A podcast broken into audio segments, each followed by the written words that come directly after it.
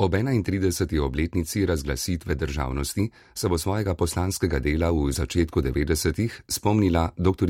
Metka Mencin. Ni mi žal, dobila sem dragoceno izkušnjo, pravi danes, ko se spominja tistega časa. A politika je le del njene poklicne poti. Metka Mencin je docentka socialne psihologije, predavateljica in raziskovalka.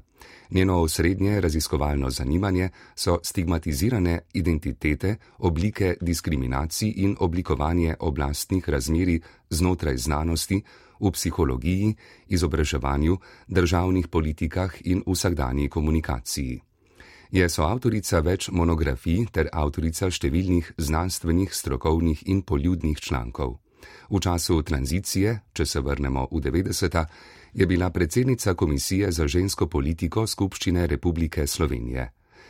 In njenim gorečim in neumajnim prizadevanjem v parlamentu, ki so jih spremljala prizadevanja civilne družbe in tudi drugih posameznikov in posameznic ter gibanj, gre zahvala za to, da je bil v slovensko ustavo temeljni pravni akt zapisan 55. člen o svobodnem odločanju o rojstvih otrok.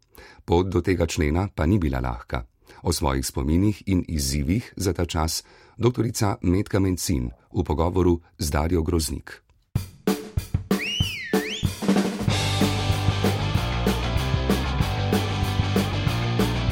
Kdaj in zakaj ste vstopili v aktivno politiko, kdaj ste postali poslanka?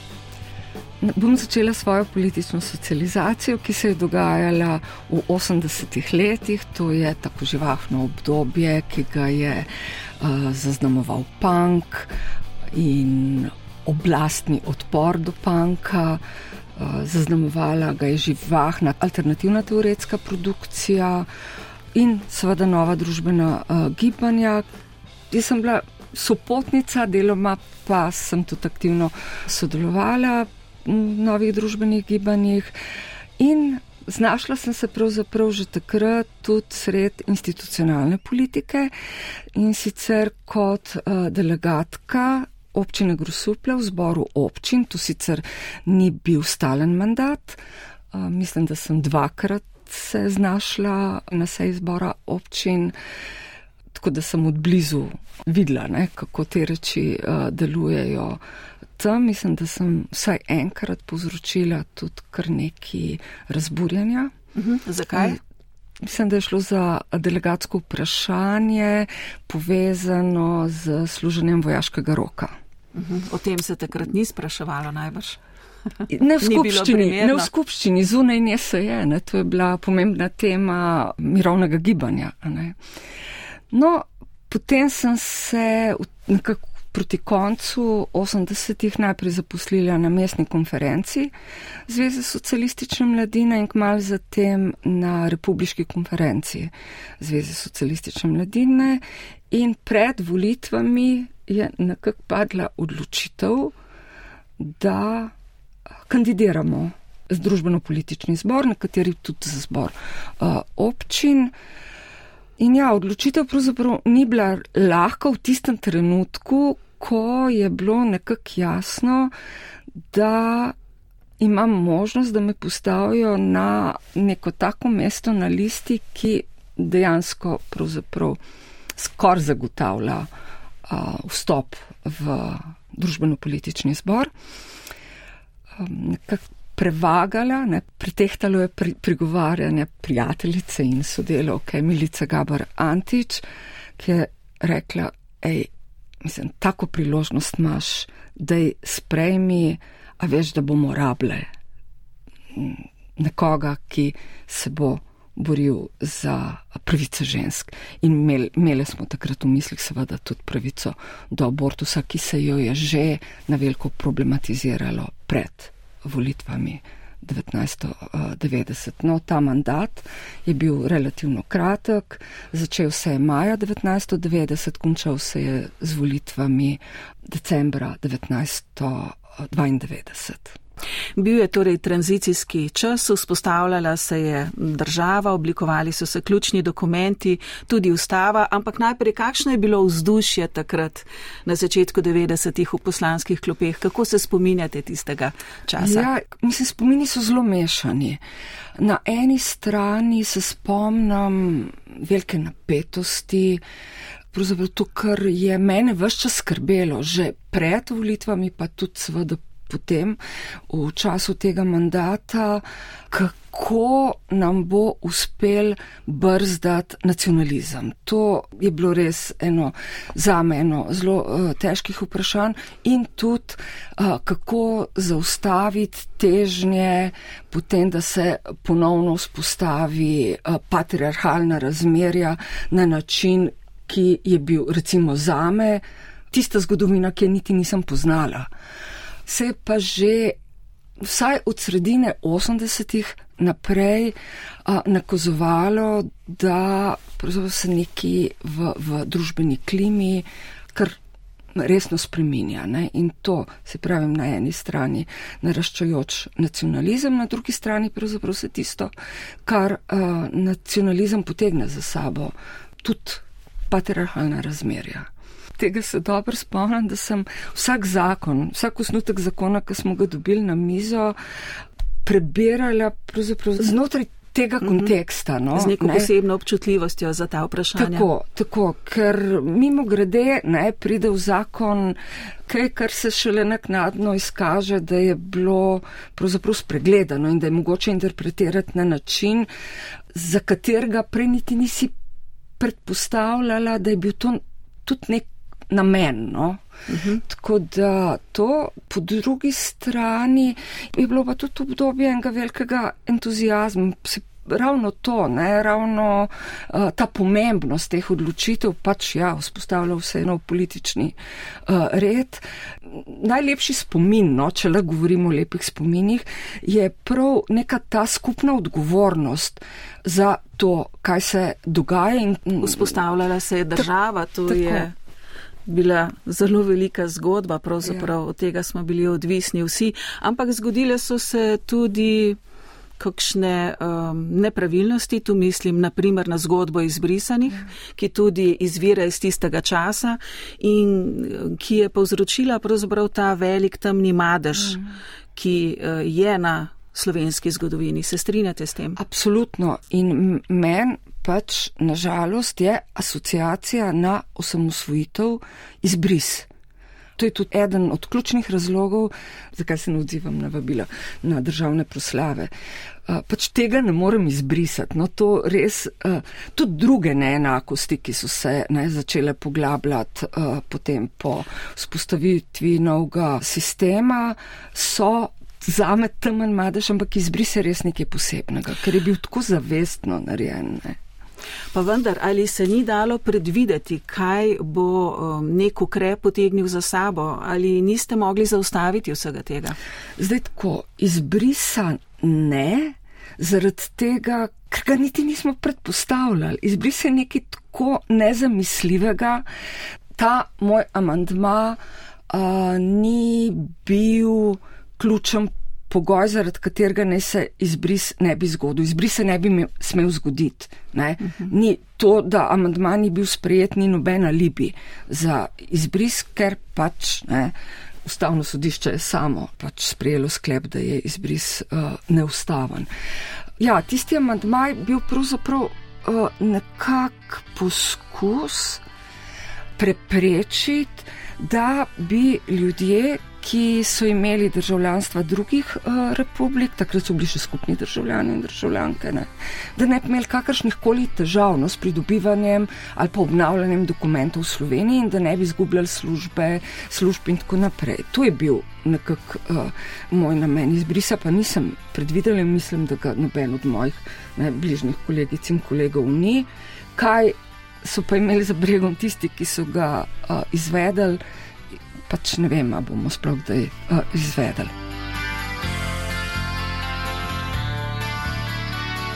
Oblikovali in potem sprejeli ste ustavo kot temeljni dokument države.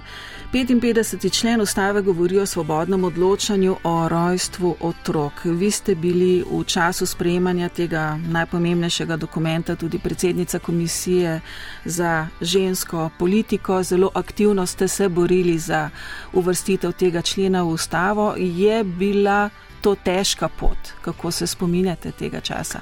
Ja, to je bila težka pot. Mislim, zdaj tisti, ki niso bili neposredno udeleženi, si verjetno težko zamislijo, eh, kako, kako težavno je to bilo.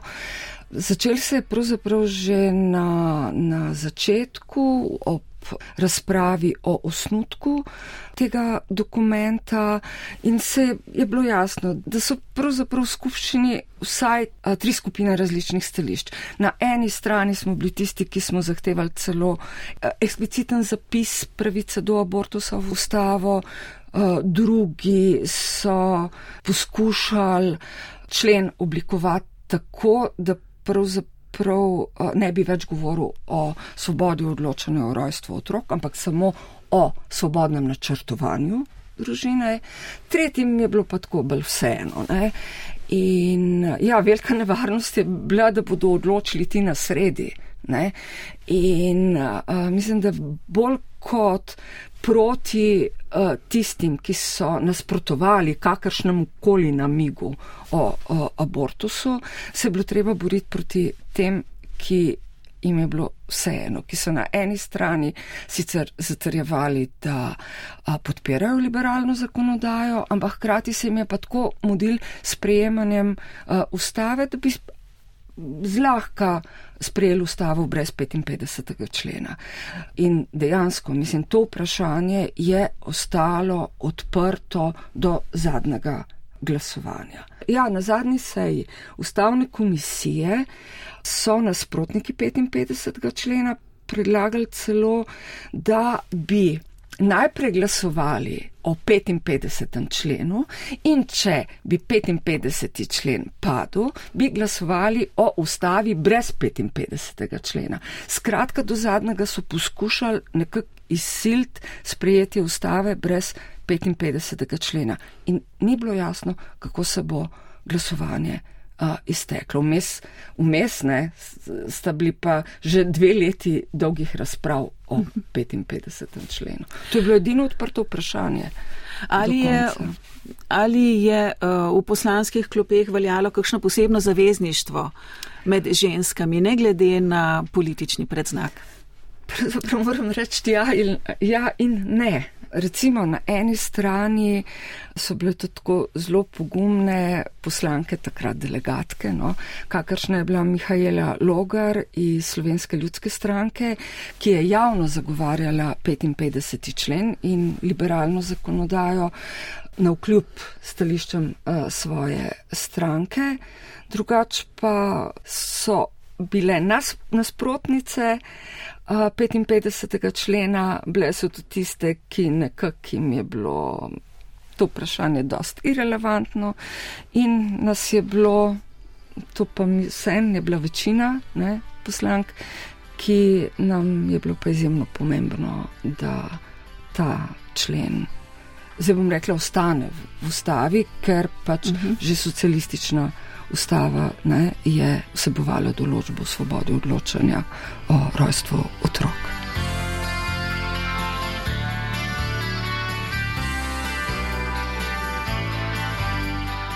Zakaj je pravica do splava tema, ki pravzaprav nikoli ne izgine? Aktualna je tudi danes, naprimer v Združenih državah Amerike, tudi v evropskih državah. Poglejmo polski primer. V različnih državah je ta pravica do splava različno opredeljena, tudi različno pogojevana, ampak zakaj je to tema, ki pravzaprav nikoli ne izgine? Eden od eh, razlogov je gotov vloga, zdaj bom rekla v narekovaju državnih religij. Ne? Skratka, to je eno ključnih vprašanj, ki jih crkveni dostojanstveniki oziroma oblastniki nenehno pravzaprav uh, odpirajo. Vprašanje o začetku življenja.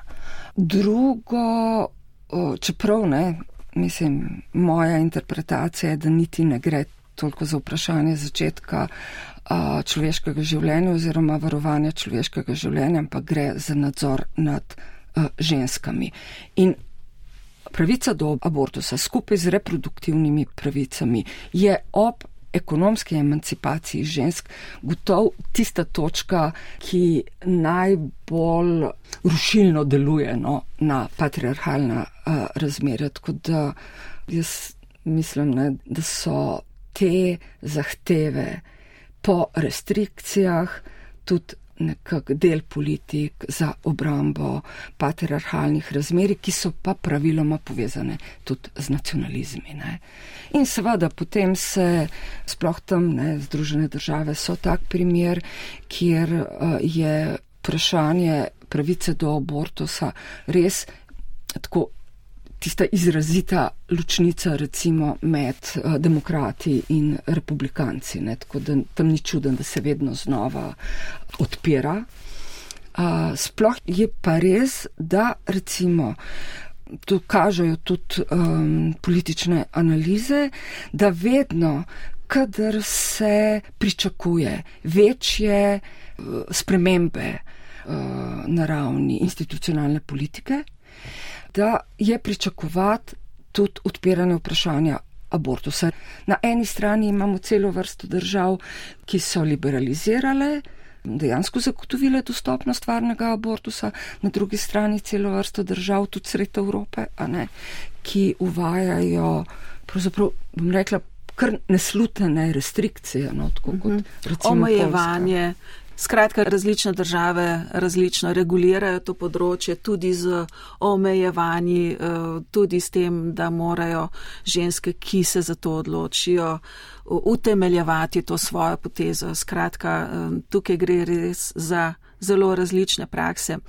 Zakaj je tako zelo pomembno, če se vrnem nazaj v Slovenijo, da je ta pravica zapisana v ustavo in ne v zakon?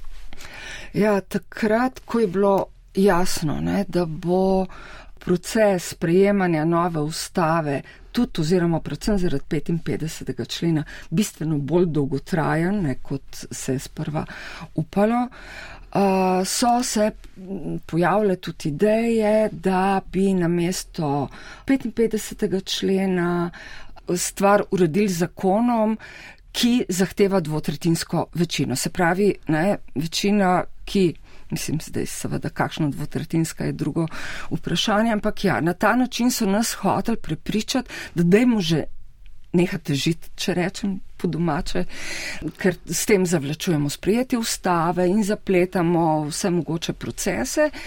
Pač ustava je najvišji pravni akt.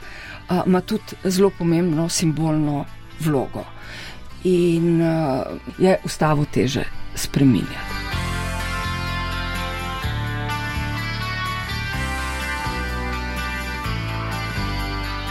Bili ste predsednica Komisije za žensko politiko, takratne skupščine Republike Slovenije. Tega seveda ni več, včasih smo imeli tudi urad za žensko politiko, tudi tega urada ni več.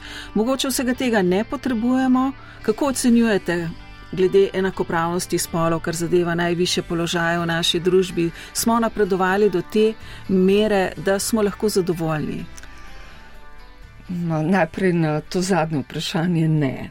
Mi je pa ta proces preminjanja in imena in institucionalnega položaja tega organa, bom rekla, ne, ki se ukvarja z žensko politiko oziroma zdaj z enakostjo spolov, pač tudi nekaj pomeni. Ne?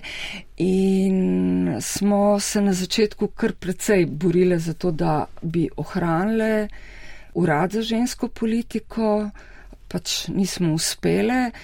Jaz tako ocenjujem, no, da je ta urad uh, za enake možnosti pravzaprav postal sam še en urad, ki je formalen kanal za uveljavljanje pravzaprav mainstream politike spolov, ki se vzpostavlja tudi na ravni Evropske unije.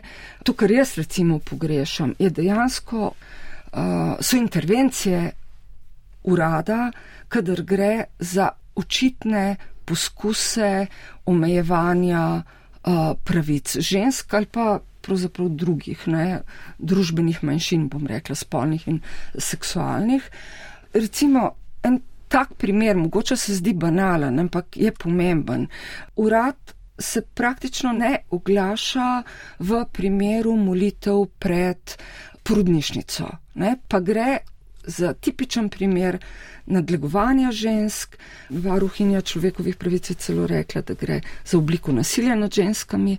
Ne, tako da, um, ja, ne, predpostavljam, da če bi se to dogajalo pred.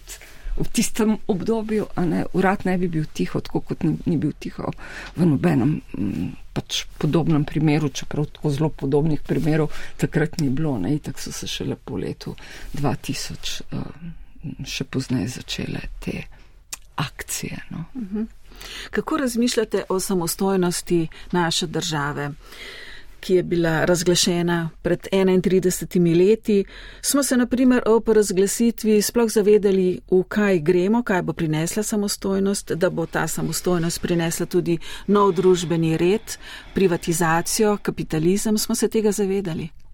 Tako kot sem rekla prej, mislim, da se nam je kapitalizem zgodil. No. In se nismo tega zavedali. Mogoče se marsikdo je. Ne? Jaz sem bila, kar zadeva kapitalizem, pa znam, da sem bila dost naivna. No?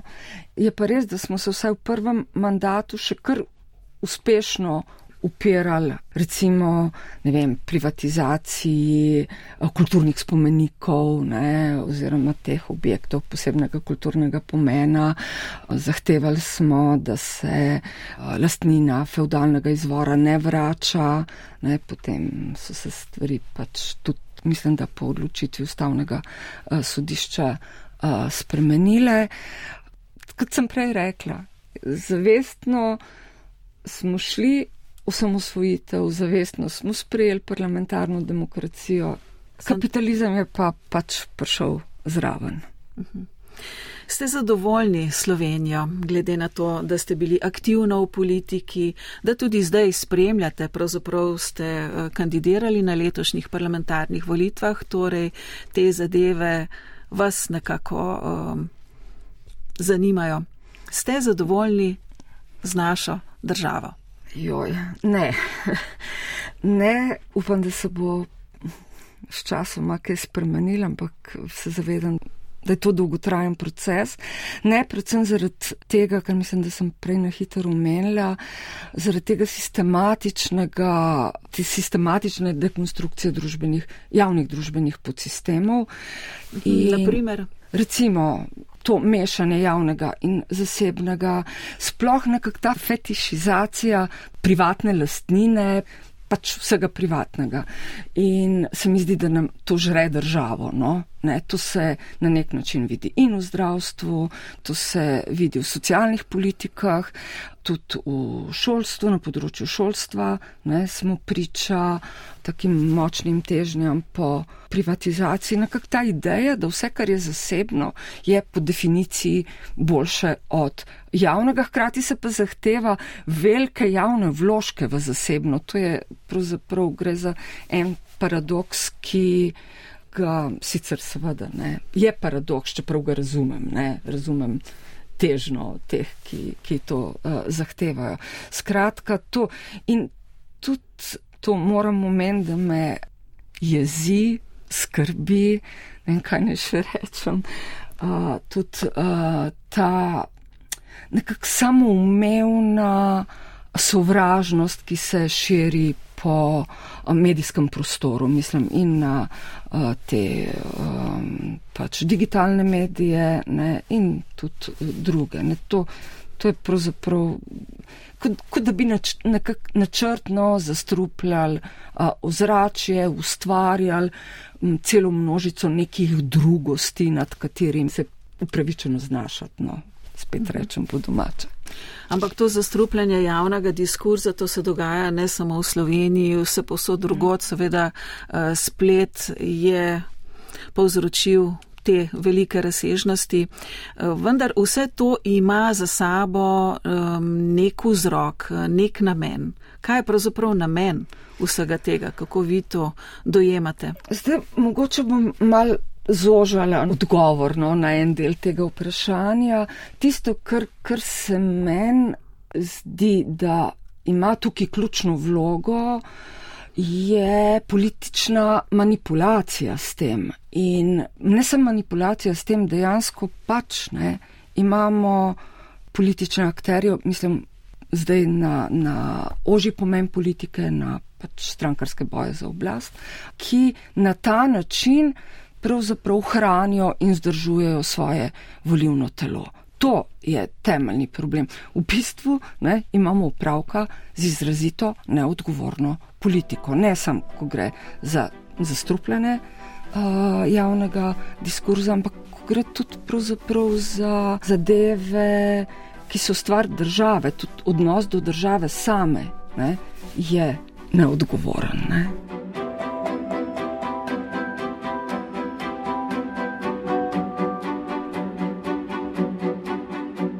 Vaša razmišljanja so tesno povezana z vašim delom, ste predavateljica, tudi raziskovalka. Katere raziskovalne teme vas še posebej zanimajo?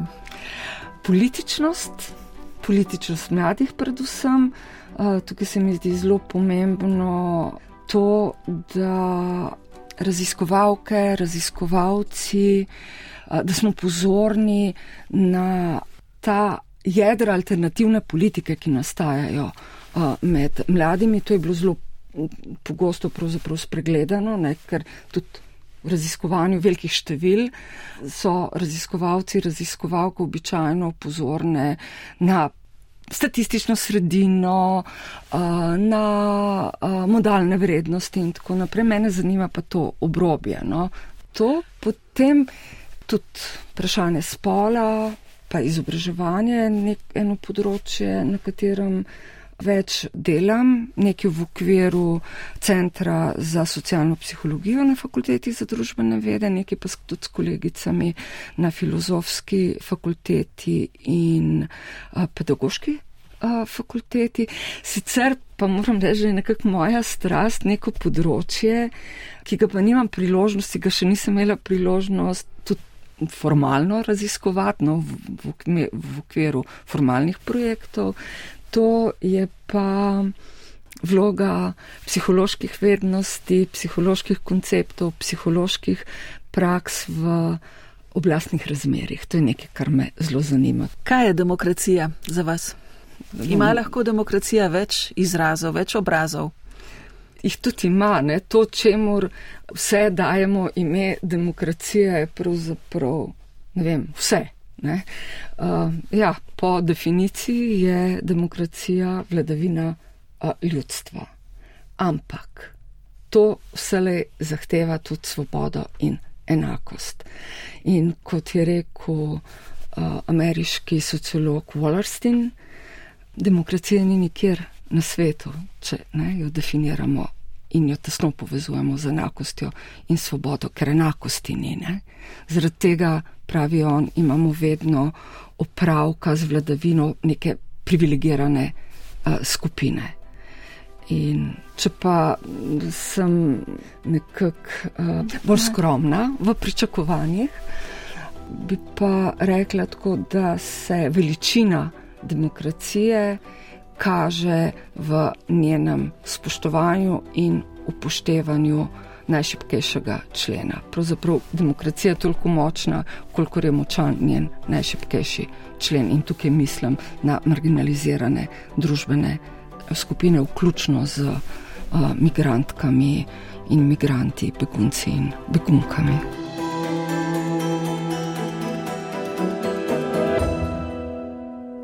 Poslušali ste oddajo Razkošje v glavi, v kateri je Darja Groznik radijsko portretirala dr. Metko Mencin, glasbena oprema Rudi Pančur, tehnična realizacija Mirta Berlan. Oddaja je na voljo na spletu in med podcasti.